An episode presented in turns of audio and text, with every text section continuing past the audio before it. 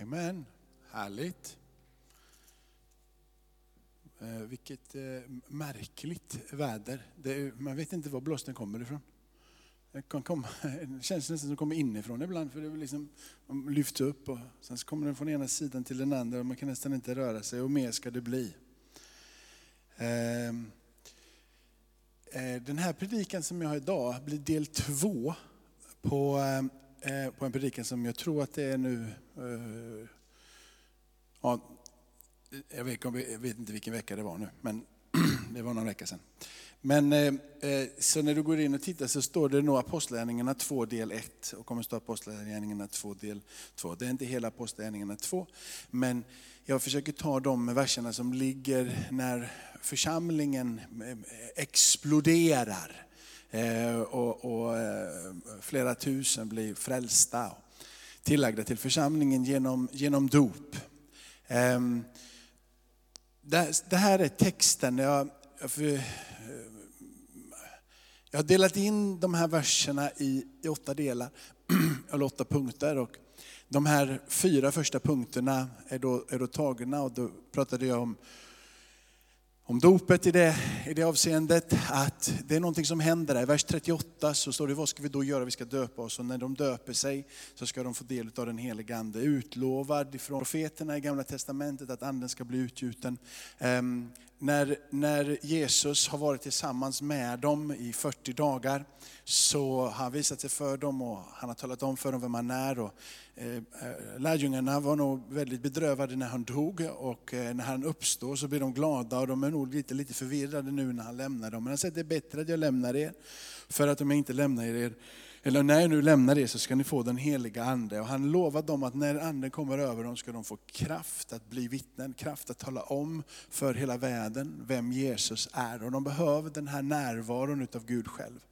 Ehm, en, en möjlighet som Gud ger oss, en erfarenhet utav Gud själv, som man säger är tvungen att landa över oss och i oss. Ehm, för att vi ska kunna representera honom för den här världen. Vi behöver den heliga ande för att förklara vem Jesus är. Ehm, jag kommer landa sen i Sakarja och eh, ska försöka också komma tillbaka till Matteus 28 i den här predikan. Och i Sakarja kapitel 12 och vers 10 så står det om en nådens ande, en nådens och en bönens ande. Som eh, gör, står det, att när den ska komma, en nådens och en bönens ande, så ska vi kunna se upp till han som har blivit genomborrad. Gud låter den här anden komma över så vi kan se och förstå vem han är. Eh, när anden kommer över oss så förstår vi vem Gud är. Vi förstår vad det är Gud vill. Vi eh, famlar inte längre i mörkret utan när erfarenheten av anden kommer över oss så kan vi se Guds syften och Guds plan. Vi förstår hans församling och vi förstår vad han vill med sin församling. När de blir döpta så lovar eh, eh, Petrus att ni ska också få då den här gåvan helig ande. precis så som Jesus har sagt, så säger Petrus vidare. Och när Petrus predikar så är han tydlig med att Jesus har dött och att Jesus har uppstått. Där ligger kraften, det är därför vi samlas varje söndag om och om, och om igen. Att vi faktiskt tror att han har uppstått från de döda. Att döden inte kunde hålla honom utan han har blivit upprest och att vi nu kan leva tillsammans med honom in i en relation där Gud får vara våran far, han är en god Gud. I det här då så säger han, de här sakerna ska landa i församlingen. Det är det som händer när församlingen föds, så börjar de att mötas. Och så här läser vi att det står då, det som tog emot hans ord de döptes och antalet lärjungar ökade den dagen med omkring 3000. Och så då, de höll troget fast vid apostlarnas undervisning, vid gemenskapen, brödbrytelsen, bönerna, varje själ greps av bävan. Under och tecken gjordes genom apostlarna. Alla de troende var tillsammans och hade allting gemensamt. De började sälja sina egendomar och ägodelar och delade ut till alla efter vars och ens behov. Varje dag var de troget och enigt tillsammans i templet och i hemmet. Bröt bröden, delade måltider med varandra i jublande innerlig glädje. De prisade Gud och var omtyckta av hela folket. Och Herren ökade var dag, med dem, eh, ökade var dag skaran med dem som blev frälsta. sa, vi tog, pratade om läran om ordets betydelse, hur viktigt det är. Vi pratade om den här gemenskapen som är född, att alla har en del, alla har en plats och vi hör ihop med varandra. Man, man blir ju frälst eh, på sin egen bekännelse. Den, eh, frälsningen är individualistisk på det sättet, men den kristna tron är den är inte personlig, den är, den är i gemenskap med varandra. Det finns ingen kristen vandring i ensamhet, utan vi vandrar med varandra. Vi sitter ihop med varandra. Han är huvudet och vi är församlingen. Vi är medlemmarna, vi är lemmarna. Vi är de som tillsammans återspeglar vem han är. Vi är hans ljus i den här världen. Eh, och så kommer vi vidare. Och Eh, det som är nu då, som jag tänker tala om idag, det var det som, som kommer vidare här. Det, och det är att det sker under och tecken. Och det är att de eh, gav till de som var i behov. De hade ett väldigt generöst eh, hjärta. De gav och sen så på slutet i vers 47 här så står det att de prisade Gud. Eh, att det finns en plats där vi går tillbaka till Gud och ger honom äran för det som vi har fått uppleva. Vi har blivit hela i våra hjärtan och vi vänder oss till honom och vi talar om för honom hur mycket han är värd för oss. Där har du eh, resan idag. Ehm, bön.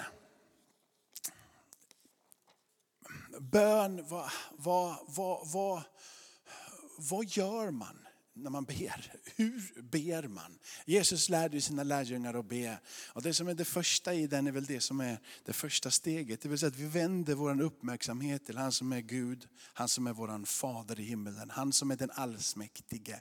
Bön är någonting som stiger uppåt. Bön är någonting som vi i tro gör att han hör. I tro gör till den guden som har skapat universum. Han som vet varje liten del av dig och varje liten del av mig. Eh, jag tror att första eller andra steget i bön är kanske också att du får ha en respekt vem det är du ber till. Jag hade en period i mitt liv där jag tyckte, när jag visste att jag inte levde så som Gud ville att jag skulle leva. Vad jag gjorde var att jag tog Bibeln och så läste jag Bibeln varje dag. Men jag hade en sån respekt för vem Gud är så jag valde faktiskt att inte be. Jag tror det var ett oerhört stort misstag. Jag skulle fortsätta att be, självklart. Men min respekt för vem Gud var, att han hör mig, att man inte, man, man, man leker inte med Gud. Man, man ber inte utan att man också vill att han ska höra och att han ska gensvara. Och mina böner de var på det sättet så viktiga för mig så att jag, jag höll tillbaka dem. Eh, istället för, jag vet vad han vill, att jag ska utgjuta mitt hjärta och säga Gud jag, jag orkar inte, jag kan inte, jag vet inte, jag vill inte, men du hör mig när jag ber ändå. Och mycket lättare är det ju när man kommer till platsen man känner att nu så vill jag vara med Gud och be därifrån. Men Gud vill att du ska be innan du ens vill vara med honom. Innan du ens vill ha med hans liv att göra. Innan du ens vill förstå vem han är så vill han att du ska utgjuta ditt hjärta inför, inför honom. Bönen är din och min möjlighet att få komma till platsen där vi blir förvandlade utav vem han är. Matteus kapitel 28 och vers 16 till 20 så är det några rader som förundrar mig. Och de elva lärjungarna gick till Galileen till det berget Jesus hade befallt dem. Och när de fick se honom så tillbad de honom. Men så står det några tvivlade. Då trädde Jesus fram och talade till dem och sade, och sade åt mig har getts all makt i himmelen och på jorden. Gå därför ut och gör alla folk till lärjungar. Döp dem i Faderns, Sonens och den helige Andes namn. Och lär dem att hålla allting som jag befallt er. Och se, jag är med er alla dagar inte tidens slut. Han står framför de här lärjungarna och så säger han, här är jag och jag ger er all makt i himmelen och på jorden.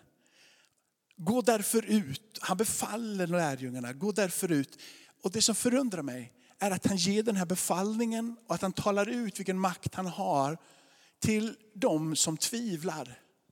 När de fick se honom tillbad honom, men några tvivlade. De har han framför sig. De har umgåtts med honom, de har mött med honom. lite känslan av att det är lätt att tro. Det är lätt att komma vidare med Gud. Han är ju där mitt framför dem och han har, han har gjort så mycket. Han har till och med stått ifrån de döda. Men några tvivlade. Jag tror det är din och min resa tillsammans med Gud. Jag tror att vi ibland kan vara på platsen där han är så verklig och så, han bara, det är bara självklart. Jesus är den Jesus är. Men ibland så står vi tillsammans med lärjungarna på platsen utav att vi faktiskt kan tvivla på vem han är. Trots att vi vet så väl vem han är. Trots att han har gjort så mycket som han har gjort för oss. Så står vi ändå där och bara känner, vem är det egentligen jag tror på? Vem är det jag bekänner mig till? Och vad vi ofta gör då, det är den att vi sysselsätter oss själva. Vi gör saker för att vi ska må bättre. Kanske att vi hjälper någon annan. Eller att vi försöker att vara en del av en gemenskap. Eller vi försöker på något sätt göra saker runt omkring som vi vet är rätt och riktigt. För vi vågar inte riktigt tro. För vi står där med våra egna kamp och vår egen brottning och det tvivel som finns mitt i vår gemenskap. Kanske är du här idag och du faktiskt tvivlar. Du tror men du tvivlar. Du tror men du tvivlar. Du står där i den där spänningen mitt emellan. Om du ser vad nyckeln för den första församlingen är. För att de hade en ganska tuff kamp. Bara direkt efter att anden faller och de predikar oss, församlingen exploderar. Och Petrus och, och, och, Johannes är på väg till bön. Direkt i kapitel 3 så är de på väg till bönen och på vägen där så får de vara med och tala om för en som är lam. Jag har ingenting att ge dig, inga pengar, inget silver och inget guld. Men vad jag har det ger jag dig. I Jesu Kristi Nazarens namn, ställ dig upp och gå. Och personen börjar gå och prisa Gud. De kommer ifrån det som har varit en gemenskap utav förvirring till att bli en gemenskap fylld utav ande och liv. I vers 14 i kapitel 1 så tror jag vi har en lösning på våra tvivel. Och det står att de var endräktigt höll tillsammans i bön. De bad uthålligt. De fortsatte att värna om sin gemenskap. Inte för gemenskapens skull, utan de centrerade runt omkring bön. Bönen var det som gav dem insikten, gav dem chansen, kraften och möjligheten att våga gå vidare. Bön är någonting som förvandlar dig och mig. Bön är någonting som gör att du och jag får syn igen. Att bön gör att vi kan se. Lika mycket som bön förändrar världen. Lika mycket som bön skapar en arena för Gud att verka. Så skapar bönen nya, eller ny syn. Du ser på ett nytt sätt. När ordet i Sakarja kommer till honom från Gud så är det en tid som är svår. Det är en kamp och Israel kämpar både för sin egen existens och förstå vem Gud är. Och de, de vet inte riktigt hur de ska vara och bete sig. Och Gud, det är svårt, allmänt svårt. Det är en storm precis som det är idag här. I den här stormen så säger han, men över Davids hus och över Jerusalems invånare ska utgjuta en nödens och en bönens ande. När nåden och bönens ande så händer någonting. Första steget när bönen får vara bön, given utav Gud. Du kan vara en duktig bedjare, militantisk bedjare. Gå upp tidigt på morgonen och du kan be och du kan kämpa i bön. Men du kommer inte åstadkomma speciellt mycket i bön. Och du kommer till slut att kämpa om du är så att du är lagisk i din bön och du bara har det som ett mönster och rutin. Så kommer du till slut att bli väldigt, väldigt trött. Bön kommer inte att hjälpa dig. Men när bönen får bli utgjuten av Gud själv över ditt liv då händer någonting. Det första som sker är att du kommer tillbaka och du ser han som är genomborrad. När bönen är någonting som är givet av Gud, där du förstår att det inte är någonting som du egentligen gör, även om det är du som gör det. Bönen är någonting som föds, någonting som Gud lägger över ditt liv. Någonting som han vill att du ska längta efter. Någonting han ska, hjälp mig att be. Precis som lärjungarna sa, hjälp oss, lär oss. Hur ska vi be? Det börjar med att du frågar Gud, lär mig att be. Varför är bön viktigt för Marianne? Eller varför är bön viktigt för de andra? Jag förstår inte det här med bönen. Jag har inte greppat det än. Det har bara blivit ett rutmönster och det har bara blivit en viljehandling. Det har bara blivit någonting som jag vet är rätt och riktigt. Ja. Och är du duktig på kyrkohistoria, och, eller till och med så du känner igen och vet mycket om, det, om Israel, om det judiska folket, så vet du att de hade sina tydliga bönestunder, böneplatser, tydliga böner som de bad och de levde i bön. Och du kanske kan allting det här, men det finns ingen inre hunger, ingen inre längtan. Bönen har inte blivit uppmålad för dig. Kanske är det så att du behöver bara ropa till Gud och säga, som lärjungarna, lär mig att be. Låt det som Sakarja tala komma över mig, komma över vår församling. Så att vi kan ta emot den här nådens och bönens ande. Så vi ser han som har blivit genomborrad, han som har dött, han som har uppstått. Då när du ser honom i din bön så förstår du att bönen stiger upp till Fadern, att bönen är verklig. Det finns en mottagare som du inte ser men som hör. En mottagare som är redo att ge. Trots att allting verkar vara kallt och mörkt och du inte ser. Men när bönen och nådens ande kommer över dig. När Petrus har varit och rest upp den här lame mannen och han börjar predika frimodigt precis som han gjorde på pingstdagen. Talar om att Jesus har dött, att Jesus har uppstått och att han står där fylld med den heliga ande och är frimodigare än vad någonting. Så börjar det bli motstånd. De här äh, människorna som är runt omkring i Israel överstepräster och olika partier och olika ledare. De vill ta han och fånga honom. De vill inte att han ska fortsätta predika. Och det som församlingen gör då, vadå? De ber. Igen så ber de i början, direkt när det här har hänt så har du i Apostlagärningarna 3 som historien är och så går du in i Apostlagärningarna 4 och direkt i Apostlagärningarna 4 efter han har talat ut vad som är sant och vad som är riktigt så ser du att församlingen de ber. De ber tillsammans och de talar ut, hjälp oss att vara frimodiga, att fortsätta predika det evangelium som har blivit oss givet. Fortsätt att utgjuta din nåden och en bönens ande över oss. Och när de skakar platsen och de får tillbaka hungern, de får tillbaka driven och de känner att Gud är med och de ställer sig upp och de går vidare.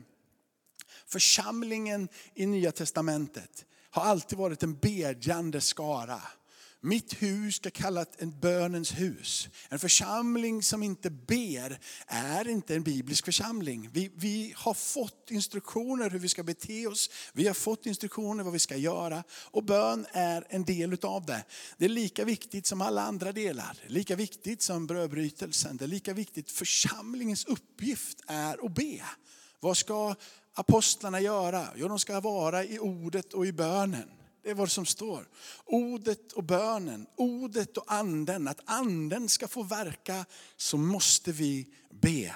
Det här står om och om och om och om igen.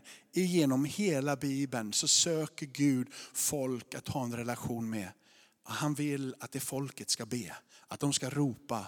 Han är en Gud som hör när vi ber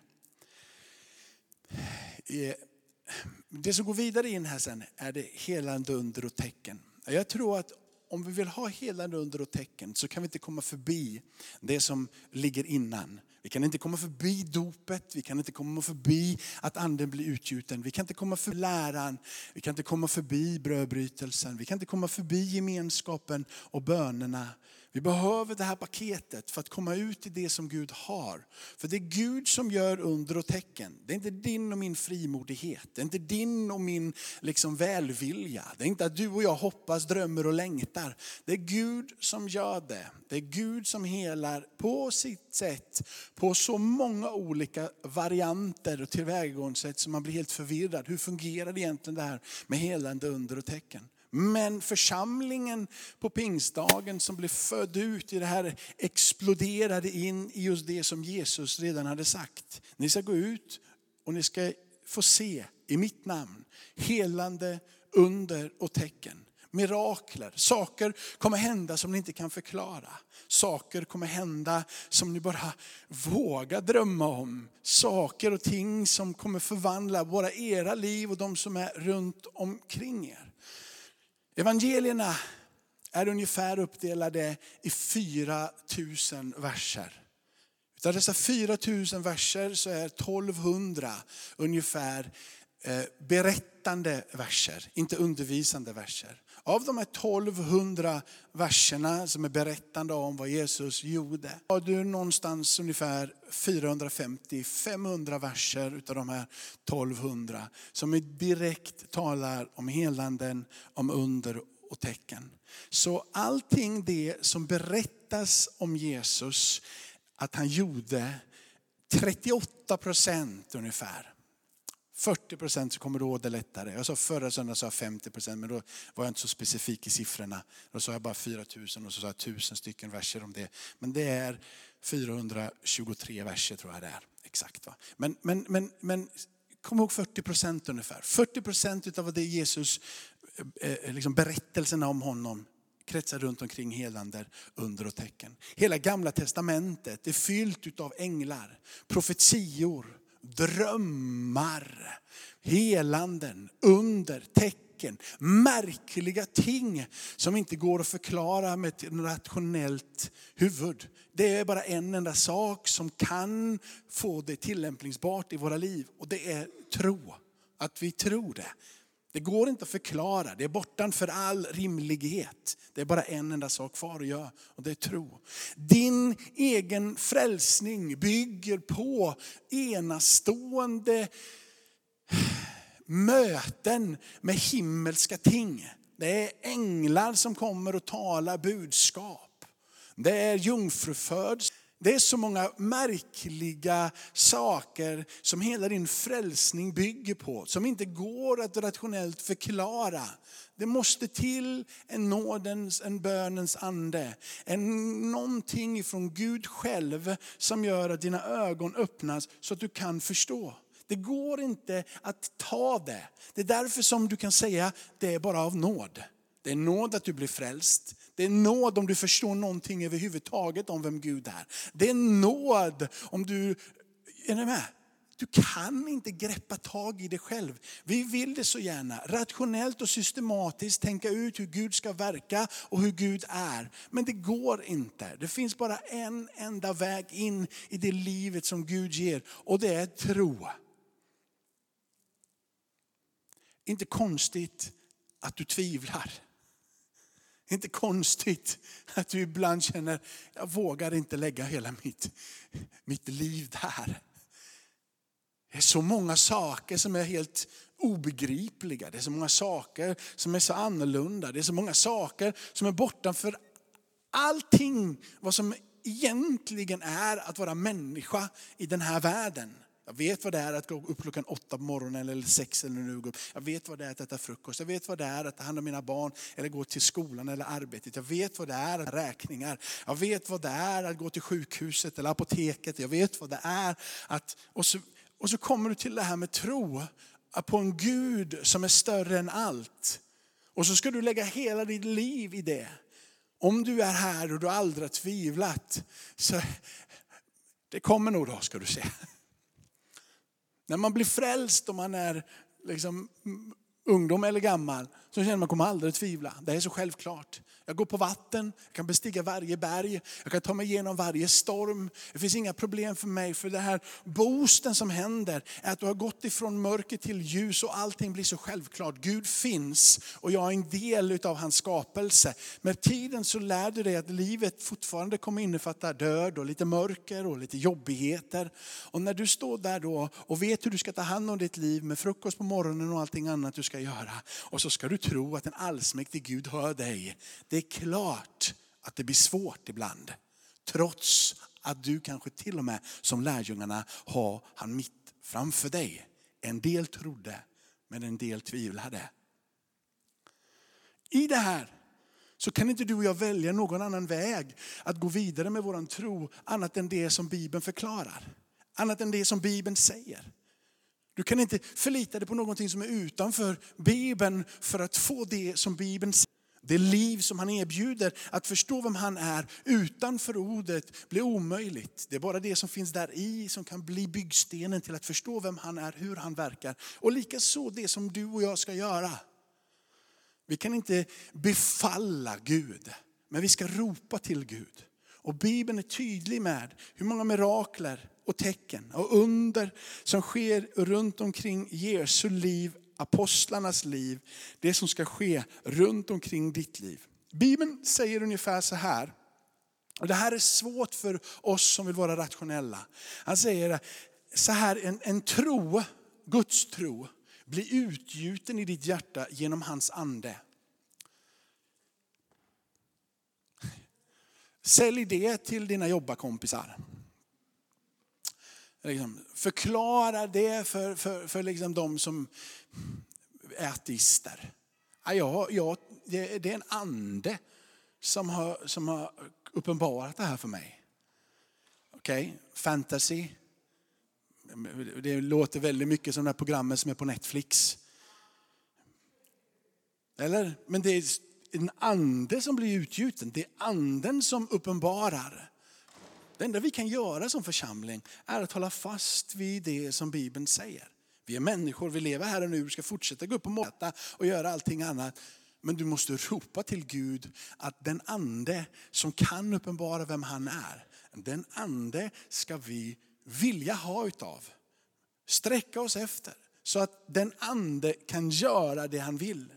Står en sak till, att tro kommer att bli ingjuten i våra hjärtan genom anden. Och så står det att tro blir ingjutet i våra hjärtan genom Guds ord. Så för dig som inte är så, eller är mycket rationell, så har du fått ett väldigt fint redskap. Du har fått den, den här, för det här är ande och det här är liv. Kan ibland vara svårt att säga, liksom, koppla bort det här, så ska, jag, så, så ska jag bara, nu ska anden få tala. Och det kan anden göra, men det är krångligt. Du som människa behöver ganska mycket fysiska saker. Du, du behöver liksom vatten för att duscha. Du blir liksom inte ren för att du bara säger, låt din ande komma så blir du ren. Eller liksom, du behöver en del fysiska saker. Du är skapad i en fysisk värld. Du är ju ingen ängel, liksom, utan du är ju här och nu. Så vi behöver ju vara väldigt mänskliga och väldigt verkliga.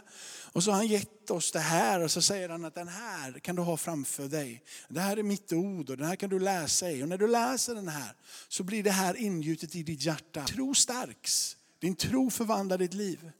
Men han säger också att det är okej okay att faktiskt ta bort den en sekund. Alltid ha den med dig, förstår du vad jag menar. Men att faktiskt säga, helig ande, Guds ande, kom över mig. Guds ande, visa dig för mig. Guds ande, jag behöver dig. Det är omöjligt att förstå vem du är utan att du kommer över mitt liv. Det är omöjligt att greppa tag och förstå, fånga, gå vidare med Gud utan Gud. Han behöver du.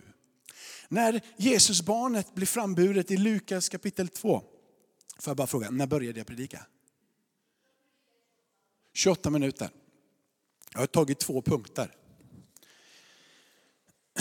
Det blir kanske del tre. Men jag säger det här ändå, så får vi se om det blir del tre eller inte. Lukas kapitel 2.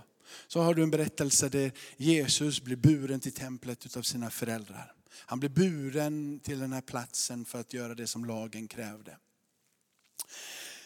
Föräldrarna kommer dit med honom och in i templet så står det att ledd av anden kom Simon dit.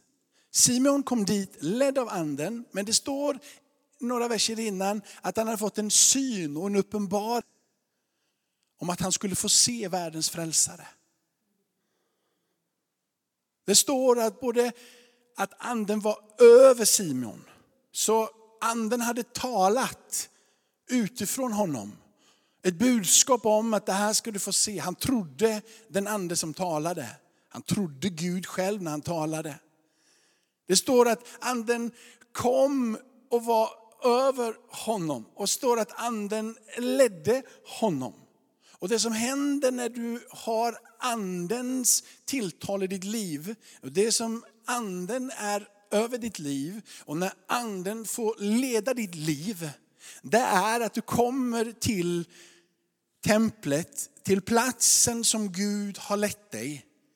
Och när du är där så kommer du få vara med om det som Simon får vara med om. Han ser ett barn och han lyfter upp barnet och han säger, här är världens frälsare.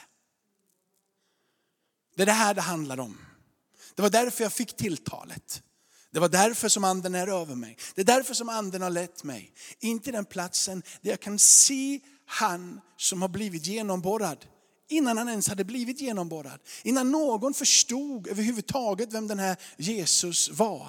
Ett litet, litet barn, precis som alla andra pojkar, precis som andra barn. Inget speciellt, han har liksom inte liksom, guldhår. Och liksom, han var precis som alla andra. Men Simeon hade fått en uppenbarelse. Han hade fått andens närvaro över sitt liv. Så han kunde se fast ingen annan såg.